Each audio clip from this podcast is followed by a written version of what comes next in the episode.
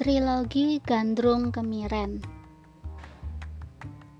Persis di bawah pohon kekar ratusan tahun di sebelah sana, tiga anak belasan tahun sedang meniupkan nafas ke arah ranting dan daun-daun kering yang ditumpuk begitu rupa.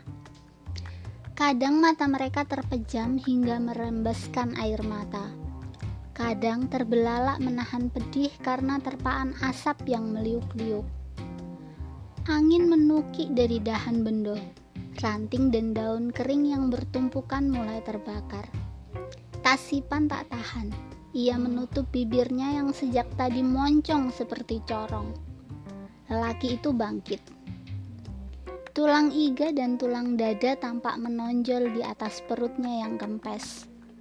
Tangannya yang hitam kering mengusap kelopak matanya empat kali Sarbini dan Sayuti terbahak-bahak.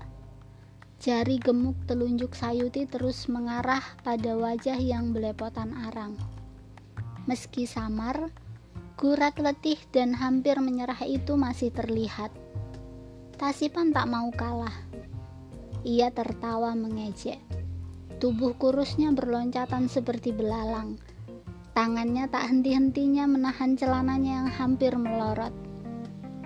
Lubang pusar dari perut lapar terlihat agak pipih.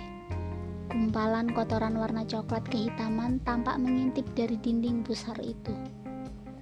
Sayuti dan Sarbini merasa heran. Pikiran mereka berlarian pada cerita dukun kampung. Bendo itu sangat angker.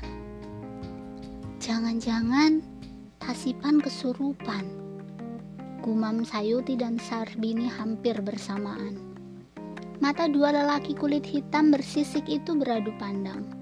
Tiba-tiba, tawa meledak.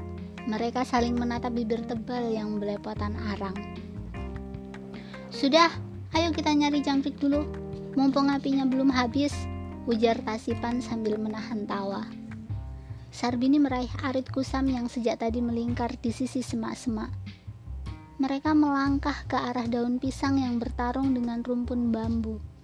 Di tepi gemericik sungai Gulung, Sarbini, Sayuti, dan Tasipan tampak jongkok agak berjauhan. Mereka terkonsentrasi ke arah tanah dan rerumputan yang terdapat beberapa ekor jangkrik. Sarbini memekik.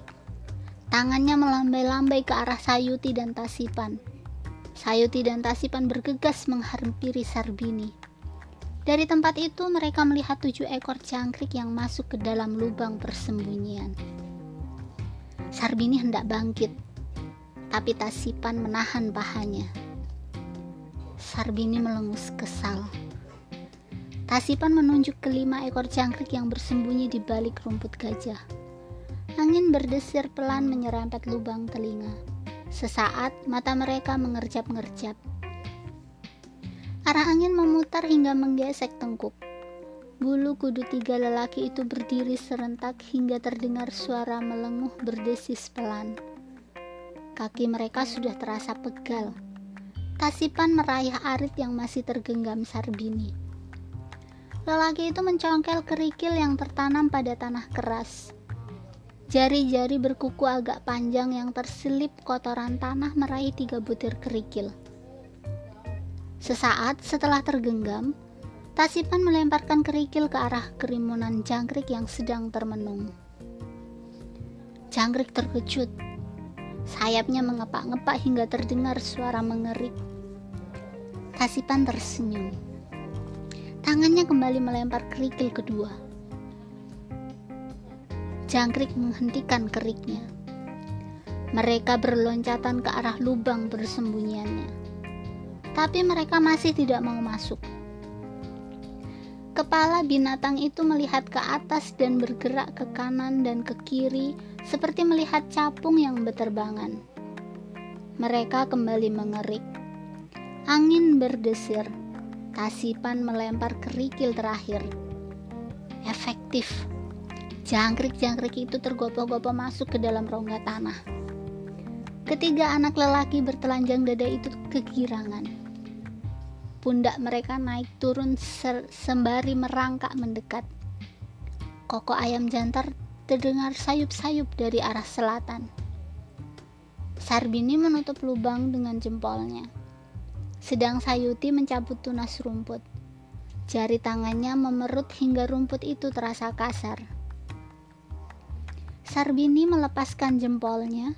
Sayuti memasukkan tunas rumput, jari telunjuk dan jempolnya memutar-mutar hingga tunas rumput masuk ke dalam lubang. Tasipan tak tinggal diam. Tangannya menepuk tanah. Puk puk puk. Sayuti menarik tunas rumput itu. Gerakannya sangat pelan. Gagal. Tak ada kaki jangkrik yang terbelilit. Sarbini mengambil alih tunas rumput. Tapi pancingannya juga gagal.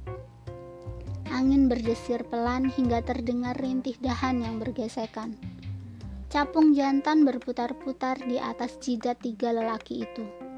Mereka melakukan lagi. Sepertinya nasib sial bekerja berulang-ulang. Tiga anak lelaki yang hanya memakai celana kolor sebagai penutup selangkangan itu hilang kesabaran. Wajahnya memerah marah seperti bara api dalam tungku yang melahap kayu. Tangannya menepuk tanah bergantian.